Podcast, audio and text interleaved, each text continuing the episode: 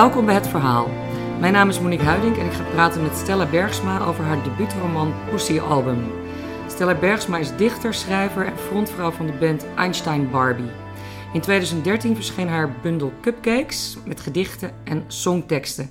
Ze is opgeleid tot docent drama en studeerde een postje filosofie. Welkom Stella. Hoi. Ehm, in je boek uh, Pussy Album uh, staat voor in een opdracht. Ja. En die luidt: Ik hoop dat je sterft aan dit boek. Ja. Voor wie is die uh, boodschap bedoeld? Voor de lezer. Voor mij. Ja. Ik ben de lezer. Jij bent de lezer. Ja. En, en van wie is en je die... leeft nog. Ik leef jammer, nog, ja. Jammer weer. Ja, ik heb het wel... Ja, ik ben er niet aan gestorven, dat Nee. klopt. Ehm, is dat Eva, je hoofdpersoon, die dat zegt? Of ben jij dat? Nee, dat is Eva. Dat is Eva. Ja. Maar ik ben het wel een beetje, maar wel als Eva. Ja, want dat Ja. is een beetje verwarrend in het boek. Eh, wie is nou... Nee, het is altijd Eva. Het is ik altijd ben wel- Eva? ik- ja. Ik heb één keer, zeg ik iets zelfbewust, zeg ik, eh, dat doe ik in mijn volgende boek. Dat, Ja. dat, eh, mijn vriend vond het heel stom, die zei dat moet eruit. Ja, je ik- piept ineens door die zinnen Ja, door. ik dacht je gewoon hoofd even, ineens. Even gewoon even, Oké. gewoon leuk. Ja, ja. En dit is, het is Eva, want Eva is veel cynischer dan ik, zeg maar. Maar ja, het is ook een beetje ik natuurlijk. Ik ben wel de schrijver van het boek en ik hoop Ja. wel dat het boek de mensen raakt. Het is ook in de ik-vorm. Ja, Het is heel erg in de tegenwoordige tijd. Het is echt, gaat razendsnel. Nu, nu, nu, nu, nu. De hele tijd. Ehm, waardoor het heel... Je leest ook als een trein wat dat betreft. Ik vind het heel mooi geschreven. Je hebt echt prachtig woordgebruik. dank je.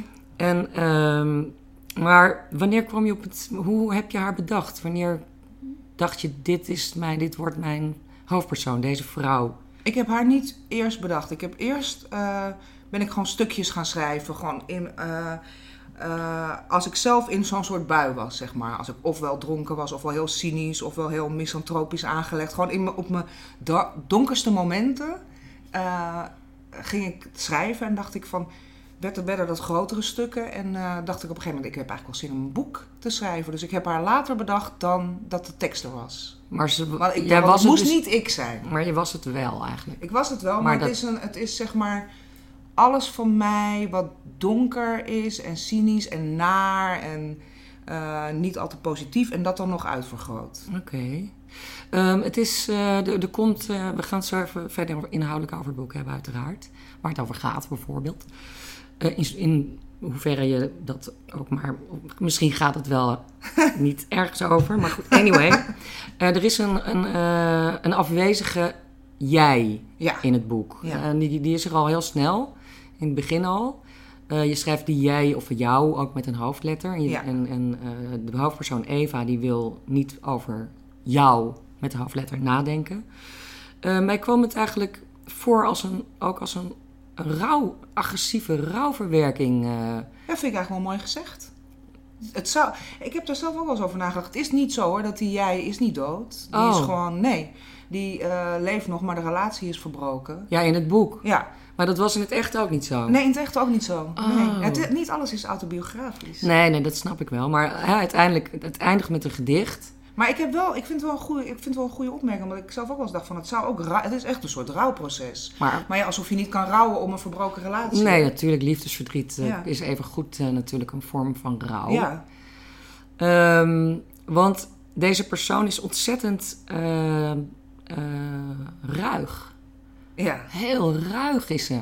Ja. Het, is, het, is bijna alsof, het is bijna alsof ze een kerel wil zijn in haar woede en boosheid en ja eh, de- er, zelfdestructie. is, er was nog iemand die tegen me zei van het, het, het, het lijkt wel alsof ze one of the guys wil zijn. Maar het is wel gewoon wie ze is. Ik denk wel dat ze niet iets wil zijn, dat ze dat wel gewoon echt is. Het is gewoon, bro, er is, er is zo'n eh, glijdende schaal van wanneer je een vrouw of een man bent. Sommige mannen zijn wat vrouwelijker, sommige vrouwen zijn wat mannelijker. En het is ook maar net of je het mannelijk of vrouwelijk noemt. Het is gewoon haar karakter. Ja, Dus het is wel, eh, het is wel een experiment. Ik dacht, ik ga een vrouw schrijven zonder compromissen en zonder charmantheid en zonder koketheid en zonder al die dingen die, die vrouwenboeken heel vaak ook een beetje verpesten, vind ik. aha. Vind ik persoonlijk. Hè? Dus dat het dan dat het te veel gaat over dat die vrouw leuk en aardig en charmant is. Dus ik dacht, ik ga een vrouw schrijven die geen enkel compromis sluit en gewoon eh scheid heeft aan alles eigenlijk. Ja, dat is ook wel duidelijk. En ze heeft ook eigenlijk wel een- een hekel aan mensen. Ja. Enorme hekel. Ja. Uh, want op een gegeven moment, uh, dat is ook al heel snel, dan richt, uh, dan richt Eva zich al tot de lezer. Mm -hmm. De tweede of derde pagina of, of, zoiets dergelijks.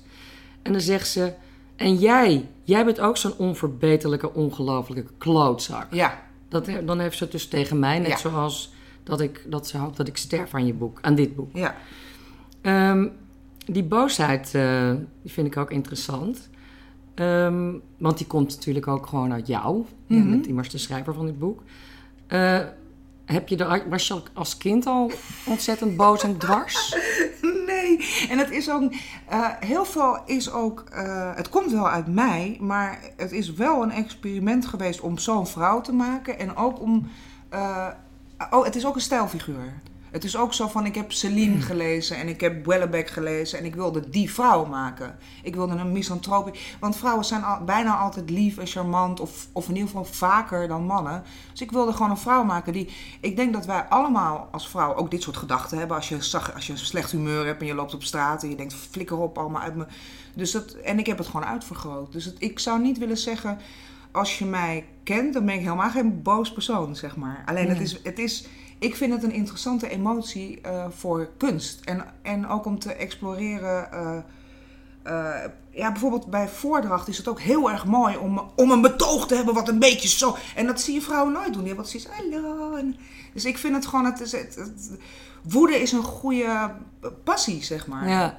Ik moest ook denken aan, uh, ik weet niet of je dat ooit hebt gezien, dat speelt ergens in de jaren 70. Marten Reuling. Ja. Die ken je. Ja, die ken ik. Kunstenares die altijd sigaren rookt en uh, heel stoer. En Ja. ik, ik maakte toen heel erg diepe indruk op mij, als was ik een Ja, meisje. mij ook. Toen stond ze, kreeg ze een prijs of zo. Ik weet niet meer helemaal exact hoe dat fragment was. Maar in ieder geval wat ik me nog heel goed kan herinneren. Ze stond er met die sigaar helemaal opgemaakt en trots. En ze straalde enorme kracht uit. En ze zei zoiets van: Waarom zou ik geen kunstenaar kunnen zijn omdat ik een kut heb? Ja, En toen dacht ik: Oh, wauw. Nou, dat heb ik niet gezien, maar dat vind, ik, dat vind ik echt top. Dat is eigenlijk, Ja, borduur ik hierop voort, zeg maar. Niet, niet met hetzelfde, maar wel zo van trots zijn dat je een kut hebt. En, en, uh, maar ja, waarom zou ik geen kunstenaar? Dat was waarom- natuurlijk de precies. belangrijke. Ja, maar dat ze er ook kut bij zei en niet Ja. vagina. Of geen, geen excuses, geen uh, Ja. no apologies. Ja, ja, ja. Het deed me allemaal ook een beetje aan uh, Antonin Artaud denken. Dat is, ik weet niet of je daar Nee. eens van hebt gehoord. Dat is een uh, avant-gardische uh, theatervernieuwer uit de jaren 30. Heel erg onbegrepen. Nou ja, goed, dat hoeft, als je die helemaal niet kent, dan hoeft het er Nee, niet maar ik wil wel straks dat je er even voor me opschrijft. Ja, nou, die, hij, hij is de uitvinder van het theater van de wreedheid. Oh, Hij wilde, en een inspirator bijvoorbeeld voor eh, Jean Genet en dat oh. soort eh, types. En hij wilde de oerdriften en de oerangsten wilde die op het toneel Ja, brengen. dat vind ik- heel ruig en allemaal heel, nou ja, ja heel... Hij wilde de mensen direct aanspreken op zijn ziel. Nou ja, goed, Oh, daar deed allemaal dat ook een beetje aan denken. Maar me vreselijk aan ja, ik denk dat je het wel leuk vindt Ja. als je het, eh, als je het En al die oerangsten, oerdriften en weet ik het allemaal, vind ik dat we het te weinig over hebben. En eh, wilde ik eigenlijk ook naar voren brengen. Nou, hij- hij daarvan. Hij is wel heel, was wel heel erg extreem. Hij is Ja. ook overleden in 1948. Zo oude, oude, oude Zo zie je maar dat, ze, dat allemaal al lang een keer bedacht is. Die liet eh, de acteurs eh, zo, die pijnigde die acteurs zo erg dat ze op het laatst alleen nog maar oerkreten konden uitstoten. En dat ging het publiek dan ook soms wel een beetje te ver hoor. Dus in zoverre. ja, dat doe jij niet. Nee. Eh, wat jij in het boek eh, vind ik heel. eh, wat er gebeurde met mij althans. Maar dat, dat is op de manier, waarop je het geschreven hebt. Je komt in, in dat manische brein van, eh, van de hoofdpersoon terecht. Je, je leest eigenlijk continu haar gedachten. Mhm. En ehm, het lijkt alsof zij een hyperbewuste figuur is. En ze heeft ook heel, is ook heel visueel ingesteld. Wat ik bijvoorbeeld een heel goed voorbeeld daarvan vind, de manier waarop jij schrijft. Dan, laat ze, dan denkt ze bijvoorbeeld... Mijn stem klinkt als een pink in de lucht bij een theekopje. ja. Dat vond ik echt zo goed bedacht. Wanneer ben jij zo, zelf zo begonnen met denken? Of heb je LSD gebruikt vroeger? Of, Nee, dat is eh, wel echt mijn brein. Dit is wel echt mijn brein. Ik begrijp dus nu ook dat dat niet iedereen's brein is. Nee. Wat zo werkt. En dat is wel hoe ik, eh, ja, dat ah, gewoon eh, eh, associëren en eh, eh, ja, heel veel, heel veel denken. Ik denk altijd heel erg veel. Gewoon, ik lul gewoon tegen mezelf, zeg maar. Dus Ja. dat is gewoon, ik denk, ja, het is geen drugs. Het- ik, ik zou eerder drugs gebruiken om het een beetje te temperen. Maar dan geen LSD, want dan zou het erger worden. Want zij heeft een heel druk hoofd, als ik het Ja, zo mag zeggen. ja. Het is erg druk. Ja, Dat erg, is ook erg zo. druk van binnen. Ja, en dat is wel wat ik echt ook heb. Zeg maar niet altijd. Ik kan ook wel een rustige moment hebben, zeg maar. Het is wel hoe mijn brein werkt. Het is wel... En het mijn hoofd zit altijd vol met woorden. Ja, want ze zegt ook ergens, en ik, ik hoorde in een interview dat je eerder hebt gegeven, eh, dat woorden als klei zijn voor haar. Dat, Ja. dat schijnt wel een autobiografisch Ja. element te zijn. Ja, dat, zo voel ik dat. Want je, je zei dat als kind tegen je moeder. Ja, als kind zei ik tegen mijn moeder dingen als dat er lekkere en vieze woordjes waren en Oh ja. mooie en lelijke woordjes. En dan zei mijn moeder, oh ja. En ik, voor mij was dat een heel ehm, eh, concreet iets. Waarvan ik dacht dat iedereen dat zo had. Hoe zeg oud, maar. hoe Maar oud was je toen? Dat weet ik niet. Dat zal ik aan haar vragen. Ik weet nog wel dat ik op de trap stond en dat zij zo'n beetje naar boven liep. Maar hoe oud ik was? Ik denk zeven, zoiets. Zes, zeven, jong. Ja, je, je, je kon pas net een paar jaar lezen.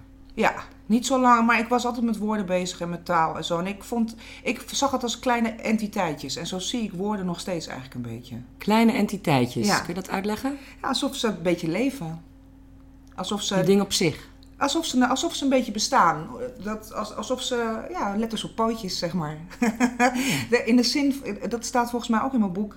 Eh, dat ik bijvoorbeeld een woord als kanker, wat dus ik wilde mijn boek zo noemen, Ja. ehm, een heel mooi woord vind, omdat het precies de lading dekt van de betekenis, zeg maar. Terwijl iedereen dat woord verafschuwt. En dat vind ik zielig voor dat woord. Dus zo voel ik me ten opzichte van dat woord. Oh, je hebt, je hebt ook nog empathische gevoelens jegens Woorden, woorden. ja. Ik hou zoveel van ze. Ook van allemaal, zeg maar. Oh, Dus ook van kanker. Die vind ik heel lief, want die, die vertelt ons dat... Dat er eh, iets mis is. Ja, en met ook nog zo goed, met twee van die goede medeklinkers. Ah. Weet je, echt, ja, dat is echt zo'n... Hij doet het nooit zo goed ook, hij of zij. Nee. Dus ik- ja, het is natuurlijk niet letterlijk dat ik ze zie als entiteiten, maar wel een beetje. Zo ervaar ik ze wel als een soort vrienden, als een soort... Ja, Ja. Nou ja, ja, je doet het heel goed. Wat me opviel met al die enorm plastische beschrijvingen en, en echt een, een vulkaanuitbarsting van woorden en beelden. Je herhaalt jezelf nergens. Want daar ging ik op letten. Ik denk, oh wacht, Wat- is wat- een trucje. Want dat vind ik heel, dat vind ik Ja, heel leuk dat je Dat vind ik echt leuk dat je dat zegt. Ik heb het ook wel heel erg op gelet natuurlijk, hè, om dat niet te Ja, doen. maar dan zou ik me irriteren. Ja, Dan zou ik denken, ah, dan heb je haar weer. ja. Oh jee. Maar je ik herhaalt probeer wel niet. steeds origineel te zijn. Ja, is heel steeds, eh, origineel. ja. ja. echt. eh, ja, heel, heel, en mijn complimenten. Ja, want ik let dat er daarop echt op, Dat dat- je erop gelet hebt. Het is wel iets eh, Maar de- dat, eh, de, het wat is, irritant kan zijn ook. echt. Ja, daar zou ik me aan ergeren namelijk. Zou Maar ik heb ook mijn hele... eh, ik heb het hele boek van voor naar achter aan mezelf voorgelezen. En niet één keer, maar een aantal keer. En ook, ook heel erg gelet op eh, het ritme. Omdat ik dat ook heel Ja, belangrijk het is vind. ook op, een, op zijn eigen manier inderdaad eh, muzikaal. Ja, eigenlijk. Ik heb eigenlijk wel geprobeerd, of nou, ik, ik, ik mag niet zeggen geprobeerd van een vriendin van mij, want het is een beetje zo van alsof je excuus maakt. Maar ik, eh, het moest lijken op de negende van Mahler. Dus het moest, Ach, het moest van het begin tot het einde daarop lijken. Dus heel heftig zijn en dan met vlagen heel een beetje inzakken, dan weer heel heftig worden en uiteindelijk heel klein en ingetogen eindigen. ah, oh, wat leuk. Dat hou ik van, dat soort eh, achterliggende patronen, dat je aan denkt. Leuk, heel goed. Ehm, je hebt ook nog, eh, of wat, je, wat ik ook boeiend vond. ehm, Eva die heeft op de een of andere manier ook iets tegen de tijd. Kan niet zo goed tegen de tijd. Mhm. Ja. Alles is ook nu, nu, nu. Alles moet nu gebeuren. En wat je gedaan hebt met je hoofdstukindeling, dat, daar heb je een, een trucje met de tijd uitgehaald. Want je begint met maand 6, dat is de titel van je eerste hoofdstuk. Ja, En dan eindig je met maand 1. ja, nul zelfs geloof ik. Toch? Volgens mij nul. Of één. Nou, maakt niet niet meer. Wat je in ieder geval doet, is je draait, je hebt de tijd omgedraaid. Of één, ja. Ja, nou ik heb teruggeteld. Ja. Wat heel raar is, want het, eh, het boek is, komt op mij chronologisch over, niet Ja. achteruit. Nee, maar dat is, dan, dat, dat is dan weer een zelfbewust element eigenlijk. Van dat ik al lang weet dat er, wat er gaat... Ik wou bijna zeggen wat er gaat gebeuren met hem. Maar dat, wat er met haar gaat gebeuren, weet ik natuurlijk al. En ik tel Dus daar ben jij waar- weer eventjes... Ja. Daar, daar is de schrijver, daar, is- daar is Stella Ja, weer even met haar hoofd tussen de regels Ja. door. Hallo, Kiekeboe. ja. Grappig. Ehm, er staat ook als ondertitel... eh bloedalcoholgehalte begin je met 0,7 promiel. En ze eindigt met 5,3 of zoiets. Dat is een dodelijke... Ja. Hoeveelheid. Ja. Maar het is niet duidelijk of ze nou nog leeft of dood is op het einde. Nee, eh, maar moet ik, daar, moet ik daar, Nee. antwoord op geven? Maar voor sommige mensen wel en voor andere mensen niet. Dus het Ja. is, ik vind het geen Laat je open hè? Oh, niet? Nee, ik vind van Oh, niet. oké. Oh, ja, ik vond het wel een open einde namelijk. Eh, ja, dat is misschien wat jij graag wil. Ja, Weet kan. ik niet. Zeg Jij kan het, wel zeggen. Nee, ik zeg niet. Ik zeg het niet. Nee, Open hoeft niet, hoeft niet. Nee, dat doet, we gaan het zeker niet zeggen als je dat niet wilt. Ehm, ik, had soort, ik had ook even het gevoel van dat is ook een, een vorm van een ver- verdwijntruc. Want ze, ze, wil op, ze wil ook steeds er niet meer zijn. Of ze, wil dat, ze hoopt, ze wacht tot ze sterft. En, Ja. en die, die hoofdstukindeling is daar dan, helpt haar daar dan wel of niet mee. Maar het is natuurlijk een constructie. Maar ehm, nou ja, laten we eerst even wat over haar vertellen. Eh, Eva van Lieren heet ze. Eva is dat vanwege Adam en Eva? Nee, eigenlijk niet. Maar dat, dat is, er waren al twee recensies waarin dat eh, voorkwam. En dat vind ik eigenlijk wel heel mooi.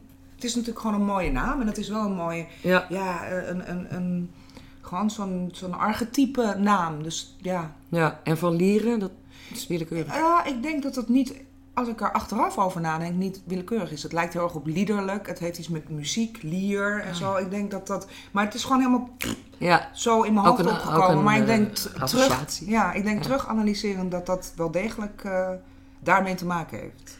Eh, ze is lerares. Op, eh ze is lerares Nederlands. Ja. Op een middelbare school. En nou, beschrijf haar zelf eventjes. Wat moet ik nog meer over haar zeggen? Ze is lerares op een middelbare school. Ze is, ik vind haar redelijk intelligent. Ik denk behoorlijk intelligent. Eh, ook wel sensitief. En, eh, maar ook op een bepaalde manier door het leven eh, gekwetst. Waardoor ze probeert harder te zijn dan ze is, zeg maar. Ehm, snel verveeld is een heel belangrijk ding van haar ook. Dat, dat, Ze vindt heel, eigenlijk alles saai. ze vindt eigenlijk alles saai. En dan maakt ze het leuk door ontzettend veel te gaan neuken met allerlei kerels. En dan gigantisch, Leuk is dan tussen aanhalingstekens. gigantisch veel te zuipen. Maar Ja. echt niet normaal. Ja, S ochtends met halve liters bier Ja. voordat ze naar school gaat. Wodka in de la van haar, van haar bureau in de klas.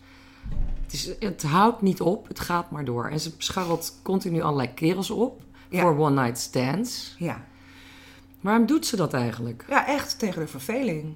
En maar ze is ook heel erg ongelukkig. Ja, Eh, maar ook niet, vind ik. Ik vind haar ook wel gelukkig met haar eigen gedachten en met haar liefde voor sommige dingen. En, dus ik vind haar niet vrees. Ja, ik vind het ook. Ik heb wel geprobeerd om haar zo neer te zetten dat, ze, eh, dat je er gewoon kan interpreteren en dat ik niet te veel, eh, dat er niet te veel analyse op haar losgelaten wordt. Ook als experiment, omdat ik denk dat. Stel dat je Bukowski neemt, of eh, bijvoorbeeld Leaving Las Vegas was een heel erg uitgangspunt om een boek te schrijven. Stel dat je zo'n man neemt, eh, die doet dat allemaal maar gewoon. Die, die zuipt heel veel en die gaat naar de kroeg. Of in ieder geval in Las Vegas zuipt hij zichzelf dood. Niemand heeft het ooit over, hij zelf ook niet, waarom die dat doet. En het is ook niet zo'n vreselijk probleem. Ik heb het gevoel dat dit soort gedrag bij vrouwen meer geproblematiseerd wordt. Of meer zoiets van, oh wat is er met haar? Dat het ja, op een of andere manier erger is dan gewoon een anti-held die maar wat doet met zijn leven. Want dat, in principe doen we allemaal maar wat met ons leven. En zijn we allemaal soms zoekende en soms ongelukkig en weet ik het allemaal. Dus ik, ik dacht wel, ik wil haar zo neerzetten dat ik... Zoals, je, zoals die kerel zichzelf neerzetten in zo'n boek. Of zoals de kerels hun hoofdpersoon neerzetten in zo'n boek. Ja. Ik heb ook The Last Weekend, dat gaat over een man, dat is, dan, dat is een beetje een ouder boek. Eh, een man die ook heel veel drinkt, zeg maar, in een weekend. En daar gaat ook nooit over waarom. Maar dat is gewoon het, het proces van een alcoholist. En dat je dat dan meeleeft en eh, leest en dat je daarmee ja, meeleeft. Of dat je het in ieder geval daar kennis van neemt. En eh, het, is niet, ik, ik heb niet het gevoel dat dat zo vreselijk eh, een ding is van waarom. waarom. Ja, je wil wel weten waarom, maar ik denk dat het bij vrouwen meer zo is.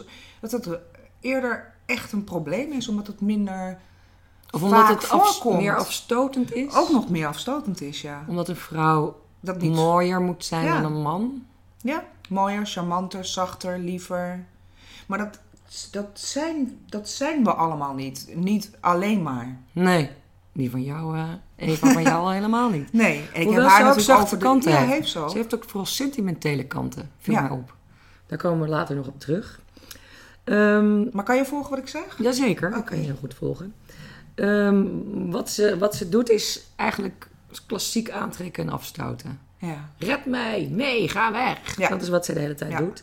En onder, onderwijl beschrijft ze dus heel plastisch wat, en heel beeldend eh, wat ze allemaal om zich heen ziet aan mensen en aan hoe ze die mensen eigenlijk ook veracht. Een enorme verachting en haat eigenlijk ook onder. Mensenhaat.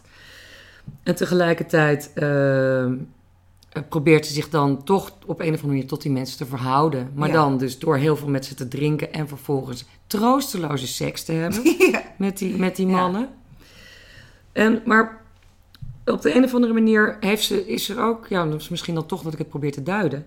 Ik vroeg me af, is dit nou levensangst of is het nou doodsangst wat zij aan het doen is? Ah, dat is, wel- ja, ik vind het niet erg dat je het probeert te duiden, overigens. Dat, dat is ook logisch, dat zou ik ook doen. Eh, maar ik heb zelf geprobeerd om het niet te doen, zeg maar. Ik Ja. weet ook dat ik bij een redacteur was die dat heel graag wilde vooraf. En dat ik dacht van, nee, daar ga ik hier niet, daar ga ik hier niet heen. Ik wil niet zo'n boek, een psychologische roman. Ik wil gewoon die vrouw neerzetten, klaar. Ja, Maar levensangst, doodsangst. Nee, ik denk eigenlijk, eigenlijk gewoon, als je dat toch wil duiden, psychologie van de koude grond, dan is het gewoon angst voor de werkelijke verdriet en gevoelens. ja, Dat zou dan wel levensangst zijn. ja, dat denk ik dan ook. Dat is dan Ja. anders dan doodsangst. Hoe was ze wel de hele tijd met die dood maar bezig? Ik denk is? dat ze meer een doodsverlangen heeft dan doodsangst. Ja, oh ja, dat zal het zijn, ja. Ja. Ehm, ik, wat ik ook dacht is, ze, ze heeft dan seks met allerlei anonieme kerels. Gewoon, die pikt ze gewoon op ergens en dan maakt niet uit of het in ergens in een, eh, een vies portiekje is of eh who cares. Eh, gebruikt ze dat ook niet als een soort ag- agressief iets, als een wapen? Weet je, als zo'n soort seks verkrachting. Ja, behalve ze, je denkt dat een vrouw kan een man niet verkrachten, Ze maar verkracht toch Denk een, wel. beetje iemand in het boek. ja, nou, een aanranding. Ja, Ja. Oh nee, ja, Nee, waar. Ja. Ja. Nee, dat klopt, ja. het verhaal Eigenlijk met wel, champagne. want die zeg schreeuwt. maar. Die schreeuwt het uit Het is de niet pijn. helemaal... Ja, het is niet dat hij het niet wil of zo, maar het is wel degelijk een agressieve daad. Ik weet niet of ze alle seks zo gebruikt. Ik denk dat ze ook maar gewoon wat doet. Dat gevoel heb ik ook. Zo van, ze zegt ook ergens... eh, eh, ik wil eigenlijk helemaal niet neuken, ik wil gewoon slapen. Zo van, dat is maar gewoon een beetje going through the motions. Zo van, je gaat naar de kroeg, je zuipt heel veel en dan ga je maar neuken en dan ga je maar slapen. Maar soms zou ze dat neuken wel willen overslaan, zeg maar. Ja, dan heeft ze er een beetje Maar het is een beetje van. gewoon de, de leegte invullen, zeg maar. Ja, want, ik, hè, want ze lijkt hem ook... Ze wordt steeds meer eigenlijk een, een zombie, maar dan wel een zombie met een enorme verbeeldingskracht. Die zelf rondloopt in ook weer een zombiewereld. Want al die lui om haar heen zijn ook allemaal heel triest. Behalve de leerling. Ja. Ze is op een gegeven moment... eh, verliest ze haar baan omdat ze het met een leerling doet van 17. Dat is dus ook nog een pedofiel. Ja. En ehm, dan wordt ze van school getrapt.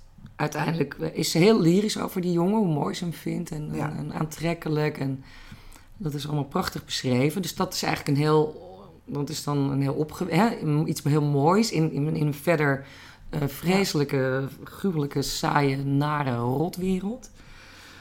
En ehm, Ik heb dat ook echt geprobeerd zo te schrijven, zo van... eh, ze, ze probeert het. Het lukt niet meer zo goed om, om nog een soort heel passie en, en sprank voor het leven te eh, ontwikkelen. Maar ze probeert het met Raven, probeert ze het wel. ja, precies, die, die jongen die noemt ze Raven of Ja, Raven. Ja, ik noem hem Raven in mijn hoofd. naar de, naar de, naar The Raven. Naar de Raven van Edgar Allan Poe. En ehm, ik wil je even een stukje laten voorlezen, want dan wordt het veel inzichtelijker. Een fragmentje op eh, pagina 61. Ik heb er een hoekje bij gezet. En 62. En dat is een stukje dat ze, dat ze in de kroeg zit. Ja. En wat ze dan om zich heen allemaal constateert. En vanaf waar? Waar dat haakje staat. Eh, mensen zijn resten die iemand vergeten is op te ruimen, vanaf daar? Ja. Mensen zijn resten die iemand vergeten is op te ruimen. Dat is waar de herhaling begint, de platenkraak. Steeds hetzelfde. De levens blijven hangen bij de trauma's. De onopgeloste problemen. Man dood, vrouw weg, kind ziek, droom in duigen. Ouders nooit van je gehouden. Met genoeg drank op wordt een mens een treurig residu van zichzelf. Alleen nog maar herhalend wat belangrijk voor hem is. Mijn moeder, ze stierf zonder gedachten zeggen. Mijn vader heb ik nooit gekend. Ik mag mijn dochter niet zien. Steeds opnieuw, de rafelige mantra van wie we zijn. Overblijfselen, mislukt. Waar de naald blijft hangen is de mens gebroken. Voor eeuwig in een groef tot hij sterft. Daarom maken we kinderen. Als nieuwe poging. Het begin van het leven waar alles nog mogelijk is. Ergens gaan we onherroepelijk stuk en gaan we onszelf herhalen in de kroeg. Maar dat zei ik al. Ik herhaal mezelf. Een avond in de kroeg is dodelijk vermoeiend. Ik luister de verhalen tot de tik waar het opnieuw begint. Tik waar het opnieuw begint. Tik waar het opnieuw begint. Iedereen heeft zo'n tik. Ieder mens houdt op lang voor hij dood is. Precies. Ehm, nou, hè, zo, zo, zo kijkt ze om zich heen en kijkt ze naar, in, ook naar eigenlijk, dat zijn haar vrienden, min of meer, in, in eh, café Het Knelpunt. Ook een hele goede naam voor een café. Wat dus echt bestaat. Echt? Ja. Het Dat- Knelpunt? ja, je denkt dat Dat verzin je. Dat verzin ja, ja. Het is waar ik woon, eh, zat het beneden mij. Dat heet Ah. nu eh, lijn 15. En toen ik daar kwam wonen, heette het het knelpunt. En ik dacht bij mezelf, Eh, nou, zo noem je toch niet mensen, een kroeg? Zij, komen deze mensen ook in die kroeg? Komen die, Nee, zijn ik heb echt? niemand echt bedacht. Ik heb niemand beschreven. Uit het echt. Nee. Ik ben ook nooit, ja, ik kom er wel eens, maar ik ben er niet zo vaak geweest. Ik was van plan om er te gaan werken, zodat ik al die mensen kon gaan observeren. Ja. Want toen, ik die mensen, toen kwam ik er niet te werken. Toen kwam ik in een Japans restaurant te werken. Toen heb ik die mensen maar uit mijn duim Oh. gezogen. Nou, vind ik toch knap, want ze zijn allemaal wel herkenbaar als kroegtypes. ik kom zelf ook nog wel eens in het café. En ik dacht, ja, dat zou best kunnen allemaal. dit soort, ook dat slappe gelul allemaal. En die ruzies, dat vind ik dan ook wel heel... eh, Dat, dat, gebeurt in het echt inderdaad. Maar goed, op een gegeven moment dan... eh, dus er gebeuren allemaal de vreselijkste dingen. Ze is ontslagen. Ze moet, gaat ze bij een callcenter werken. Dat is, wordt ook geen succes. Daarin wordt ze ook alleen maar in haar mensenhaat bevestigd. En vervolgens wordt ze postbode, wat uiteraard ook gigantisch misgaat. En dan opeens, door een soort van wonder, komt ze oog in oog te staan met die leerling, die Raven, of, of, of, of Raaf, of nou ja, goed, hij heeft op een gegeven moment wel een naam, maar eh, zo noemt ze hem. Vogelijn. En, ehm, en dan begint ze iets met hem. Ja, En dan begint het, de zon te stralen ja, min of meer in haar leven. Ze heeft ook op dat moment heel veel geld gekregen van, eh, vanwege een ontslagvergoeding. ja. Eh, omdat ze de directeur probeerde te chanteren. Want zij moest hem tijdens de pauzes eh, pijpen. Terwijl de foto van zijn gezin op zijn bureau stond. Dus krijgt ze een heleboel geld. En dat gaat ze dan ook als een dolle door, doorheen draaien. Met deze jongen van 17. Ik zie, als jij het zo vertelt, zie ik echt zo'n film voor me. Ik heb echt zin in de film. Ben je al bezig met het script? nee, maar ik, ik, ik, als, als je het zo vertelt, ik zie dat Ja. pijpen met die foto ook zo voor me. Zo denk ik, oh ja, leuk. Ja. Maar goed, nou, ga verder. Nou, en op een gegeven moment gaat ze dan echt de meest suffe burgerlijke dingen doen... waar ze eigenlijk een heel erg hekel aan heeft. Dan gaat ze naar de dierentuin. Ja. En dan ziet ze die zielige dieren. Dat haat ze dan ook allemaal weer enorm. Maar ze zegt het niet tegen die jongen, want die jongen vindt het leuk. Het is natuurlijk ook een kind. Ja. Uiteindelijk gaat ze, of niet uiteindelijk, dan gaat ze op een gegeven moment ook naar het dolfinarium. Daar wil ik ook graag dat je een stukje voorleest. Want dan barst haar volle mensenhaat, komt tot volle glorie daar. Wat ik ook me heel goed kan voorstellen. En begint ze zelfs eh, moordfantasieën te ontwikkelen. Ja. Hebben we dat niet allemaal wel eens? Of is dat ook iets persoonlijks? Ik, ja, het zou best kunnen dat we dat allemaal wel eens hebben. Ik heb hier een haakje en dan tot hier. Yes, ma'am. Ik zou best een keer een kleuter in elkaar willen schoppen. Of heel hard en hoog terugschreeuwen. Ik kijk opzij naar Raven. Is hij al gelukkig? Ja. De muziek bonst opgedrongen vrolijkheid mijn hersenpan in. Ik kriebel aan zijn hand. Ik hou dit nog maar nauwelijks vol. Hij kriebelt terug en kijkt opgetogen. Opwinding in zijn open ogen. Af en toe knijpt hij, ze tot spleetjes, zoals hij dat kan doen. Het duurt lang voor de show begint. We zitten daar maar, Raven, mijn liefje, in blijde verwachting, terwijl ik me voorstel hoe het zou zijn om met een oezie de hele zaal vol kindertjes neer te maaien.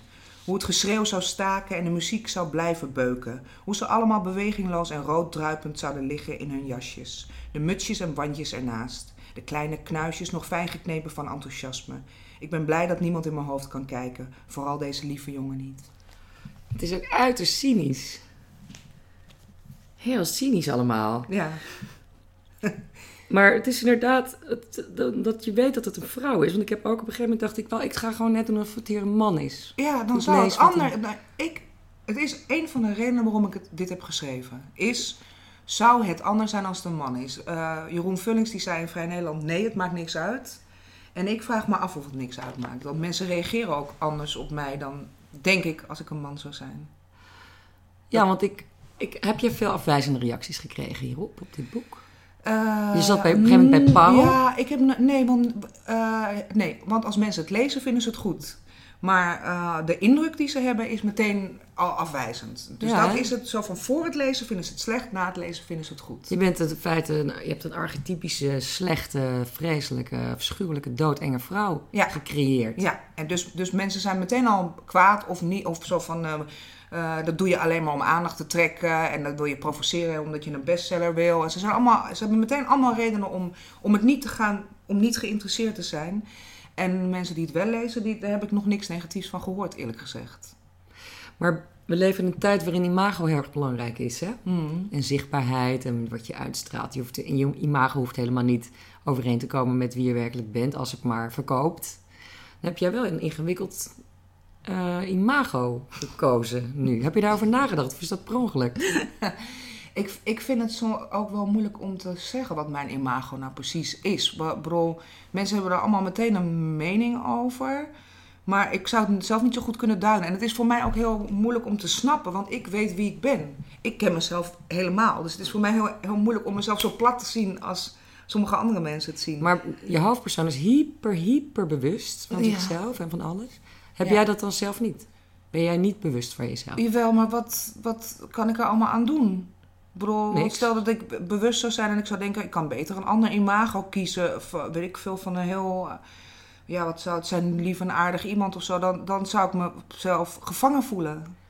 Ik wil wel dat, dat eh, ik, een van de redenen eh, die ik heb om, om te zijn wie ik ben, niet om te zijn wie ik ben, maar dat is gewoon wie ik ben. Maar om dit te schrijven of om uit te dragen wat ik doe, is om vrouwen meer vrijheid te geven. Om, Meer vrijheid. Ja. Om, om erop los te neuken en zoveel mogelijk te Om, eh, om, ook om, om donkere kanten te hebben, om onsympathiek te zijn, om allerlei dingen te doen. Eh, ik denk dat mannen veel meer vergeven wordt. Zo van wat je net zei, dat eh, fragment waarin ze die kindertjes eh, doodwenst. Als het een man zou zijn, is het volgens mij geestig. Ik vind het nu ook geestig. Ik moet ik, vind, lachen. ik, moet er, ik moet heel vaak moeten lachen. Het is maar heel als vaak het een vrouw is, is het toch extra schokkend of zo. Dus ik wil vrouwen meer vrijheid geven om mens te zijn. Want vrouwen zijn ook maar mensen. En Ja, ik denk dat... Hallo, dat weet jij misschien niet, Monique. vrouwen zijn dat mensen?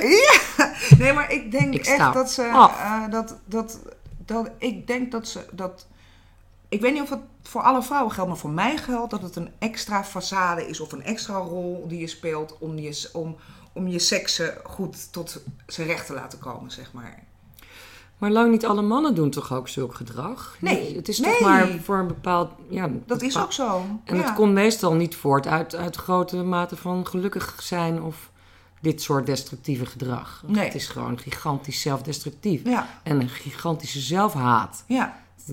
Maar ja, dat maar is het het bestaat allemaal. wel allemaal. Het bestaat wel, ja. En dat wilde jij in de wereld brengen. Ja, ik wilde daar ruimte voor. Ik wilde ruimte voor deze vrouw. Ja. Gewoon een plek in de wereld. Dat ze er mag zijn en dat, eh, dat ze ook een antiheld is, net als veel, vele andere antihelden. ja. Nou, dat is wel gelukt, want ze worstelt zich eh, met haar ellebogen en de, fles, eh, de flessen onder de armen zo de wereld in, inderdaad. Ehm, wat ze ook doet, dat vond ik wel goed passen. Dat vond ik wel mooi in character. Naast al dat gebrul en, en geschreeuw. En, overigens, ik gebruik nu lang niet de, de, de juiste woorden ervoor. Maar je hebt het echt heel goed geschreven. Het, het leest eigenlijk als één groot woedende, kolkend gedichtachtige songtekst. Ja, Heel erg, heel leuk, echt heel goed. Het gaat ook maar door. Maar ze is op een gegeven moment dan ook super sentimenteel. Wat ook bij wel zo'n karakter hoort. Namelijk, als ze een schoonmaker ziet, ziet dan barst ze bijna in tranen uit. Kun je dit fragmentje ook nog even voorlezen? Dat is weer met, met die haakjes. schoonmakers, ze breken mijn hart nog eens. Op school was het ook altijd zo. Als ik ze groette, waren ze zo blij dat mijn ziel ervan scheurde. Ze zijn bijna de enigen die nog kijken en niemand ziet hen. Samen met dikke of oude mensen, gehandicapten, de mensen met de kwetsbare ogen.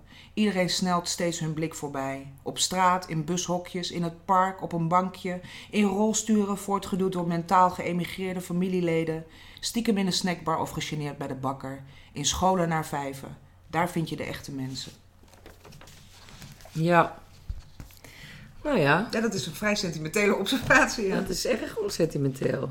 Maar daarom niet minder mooi. Ehm, heb je ook, dat denk ik wel, hè? Je wilde toch ook wel een paar taboes slechten hier. Hmm. Welke? Ehm, ik wilde in ieder geval iets zeggen over poep.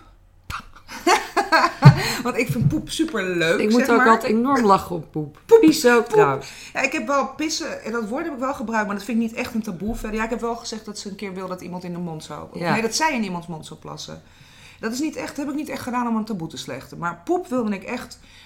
Oh, ik vind poep ook leuk. Net als eh, woorden klei zijn. Poep is ook een soort klei. Dat is het allereerste. eh, Poep is geen klei.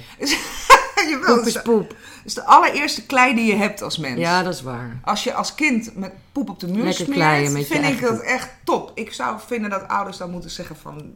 Oh, mooi, Maak een foto.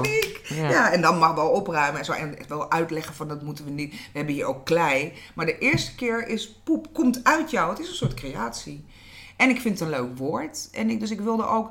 En dan heb je weer dat gezeur van eh vrouwen... Anale, anale fixatie. Ja, dat zou ik niet zeggen dat ik dat heb. Maar dan heb je weer dat, dat, dat van vrouwen poepen niet en zo. Want dat is ook weer... Ik bedoel, dat, kijk, dat, dat zijn allemaal dingen waar we grapjes over maken. Wat clichés zijn. Maar Denk toch, je dat mensen niet weten dat Tuurlijk wel, maar dat... Maar dat, ook ontlasten? dat eh, het, het, we maken er grapjes over. Dat is een soort van, ja, we zijn dames en we, wij schijten veertjes en weet ik het allemaal. Maar aan het deelt zich toch aan ons mede.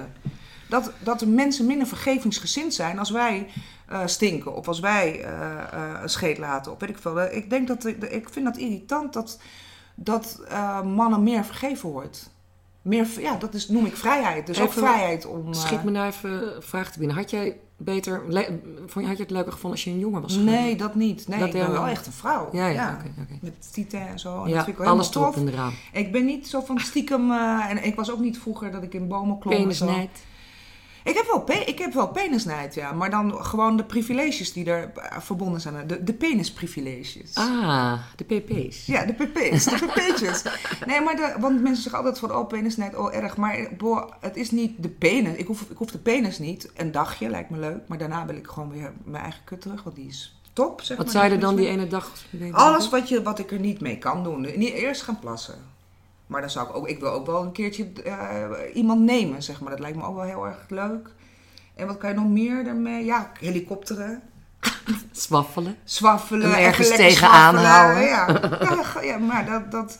Nee, maar ehm, terugkomend op de taboes. Ik dacht, poep moet erin als zijn er, dat zij dat ook wel interessant vindt. En ik wilde ook wel wat zeggen over ongesteldheid. Nou is dat niet een vreselijk taboe, maar wel hoe zij ermee omgaat, denk ik. Ja, ze doet heel vies mee, Ja. ik. Ja. Ik denk dat eh, de, er zullen toch vrouwen zijn die dat ook herkennen. Die af en toe wel eens gewoon wat goors doen. Ja. En dan een beetje mee... mee- Oh ja, dat weet ik ook zeker. Kliederen. Natuurlijk. Vast en zeker. Welk taboe nog meer? Hmm, dat was het wel. Niet de vrouwelijke, alleen poep? Ja, wat dan?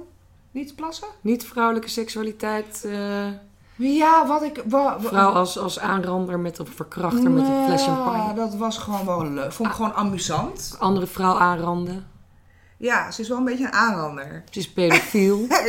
ja, dat is wel waar. Nou ja, de, Ze heeft constant haar hand in de kruis. Eh, wat, wa- wa- maar ik had dat niet echt als een taboe, maar ik dacht wel vrouwelijke seksuele agressie. Dat is eigenlijk niet een ding waar je vaak over hoort. En ik denk dat seksualiteit voor iedereen een kwestie is, voor echt voor alle mensen een kwestie is van af en toe eh, eh, ontvangen en af en toe uitdelen, zeg maar. Dus dat het een soort spel is, waarbij je soms de dominante bent en soms niet. En het wordt heel vaak zo voorgesteld alsof vrouwen altijd degene zijn die het ondergaan en de man altijd de dominante. En ik denk dat dat dat helemaal niet zo is. En ik vind het jammer dat vrouwen niet wat seksueel agressiever zijn, zeg maar. Nou, zij, heel... zij, is heel, zij, zij neemt ook bijna altijd het initiatief eigenlijk. Ja. Voortdurend eigenlijk. Ja, het, ze doet het, zij doet het dan wel weer natuurlijk om, omdat ze dat ontvangen heel eng vindt. Dat is wel, het is wel een soort overschreeuwen. Ja. Maar ik denk niet dat dat altijd zo is. Ik denk wel dat het een taboe is dat vrouwelijke seksuele agressie is wel echt zoiets van... En dan wil ik niet per se, bedoel ik niet per se iemand aanranden of zo, maar gewoon dat je dominant bent, zeg maar, is wel... eh, daar hoor je niet zo vaak over. Eigenlijk. Nee, Dus dat ik vind denk dat mannen dat ook eng vinden, want ze reageren ook een beetje geschrokken op haar. Ik denk dat mannen dat ook eng vinden, ja. Maar dat... eh ik ook denk helemaal niet wel, aantrekkelijk misschien. Nou, ik, Ja, het dat- kan best aantrekkelijk zijn. Ja, dat denk ik wel. Ja. En want ze zitten lopen altijd te zeuren van... de- deden vrouwen maar eens meer Ja. dit. Deden ze maar eens Waarom meer moet dat. altijd Ja. voor ons uitkomen? Ja. Dus ik denk dat, dat, ik denk dat als, als die vrijheid er zou zijn, dat, we- dat iedereen wat meer bewegingsruimte zou hebben, dat dat iedereen ten goede zou komen. Mm. Waarmee ik niet wil zeggen dat alle vrouwen mannen moeten gaan eh, verkrachten met, met champagneflessen. Oh, maar, maar, Dat maar- toch niet? Nee, maar meer als je, eh, als dat, als een, ook als een vrouw meer zou leren van jongs af aan wat, wat, haar wat haar seksualiteit is, in plaats van altijd maar leren af te houden. In plaats van altijd maar leren eh, nee zeggen. En In te het- houden. Inhouden, afhouden. En je moet je verdedigen. Je, je hebt hier een Je moet het schat. en beschermen. Je moet het beschermen. ja. In plaats van dat, dat je dan zou leren. Het is leuk en je mag ook dingen doen. En je, dan, ik, denk, dat, ik denk zelfs dat daar minder eh, seksueel geweld uit voort zou komen. Oh, wauw. Ja. Dat is een statement. ja, dat is een statement. Hmm. Ja, daar wil ik Ja. nog wel eens wat dieper op ingaan of ook iets over schrijven. En, eh, want ik denk dat als vrouwen veel beter ja weten, dat ze veel minder onduidelijk nee zeggen. Ja, En onduidelijk nee zorgt voor, voor die rare grenzen waardoor... eh, de grens ja, dat- overschreden kan worden. Ja, en waardoor er dat, dat grijze gebied van ze zei nee, maar ze bedoelde ja, bla bla bla. Ja, Dus als ze het veel beter weet, dan zou ze denk ik veel duidelijker kunnen zijn. daar zit best iets in, denk ik. Eh, dan tenslotte, ben jij zelf veranderd door dit boek? Je hebt er vijf jaar over gedaan of zo, hè? Mm, Ja, ja. Maar over het schrijven, twee jaar. Ben je erdoor veranderd? Dat is een goede vraag. Daar moet ik eens even diep over nadenken. Ben ik er door veranderd? Ik denk namelijk van wel, maar ik zit te denken hoe. Hoe?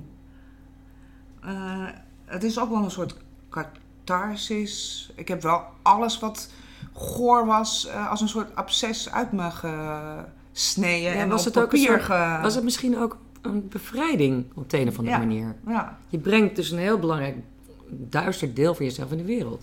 Ja, het is wel een bevrijding, maar het is dan niet leuk als mensen er uh, zo snel oordeel over hebben. Dan is het eigenlijk weer heel vervelend en heel kwetsbaar. Kwetsbaarder dan wanneer ik niks had gezegd, zeg maar.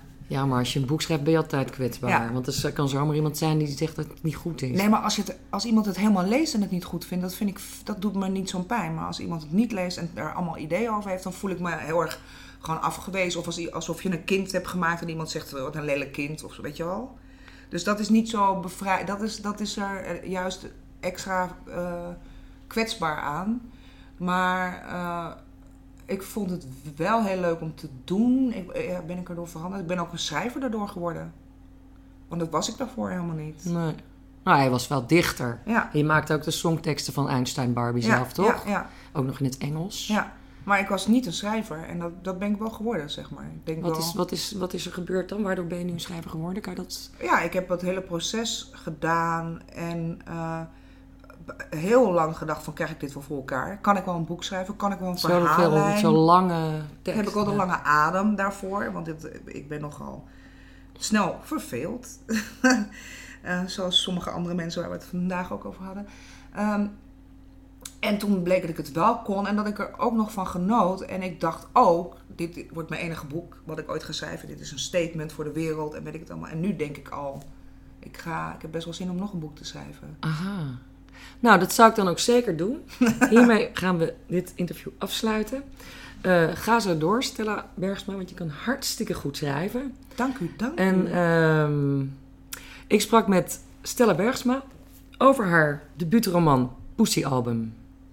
Dag mensen.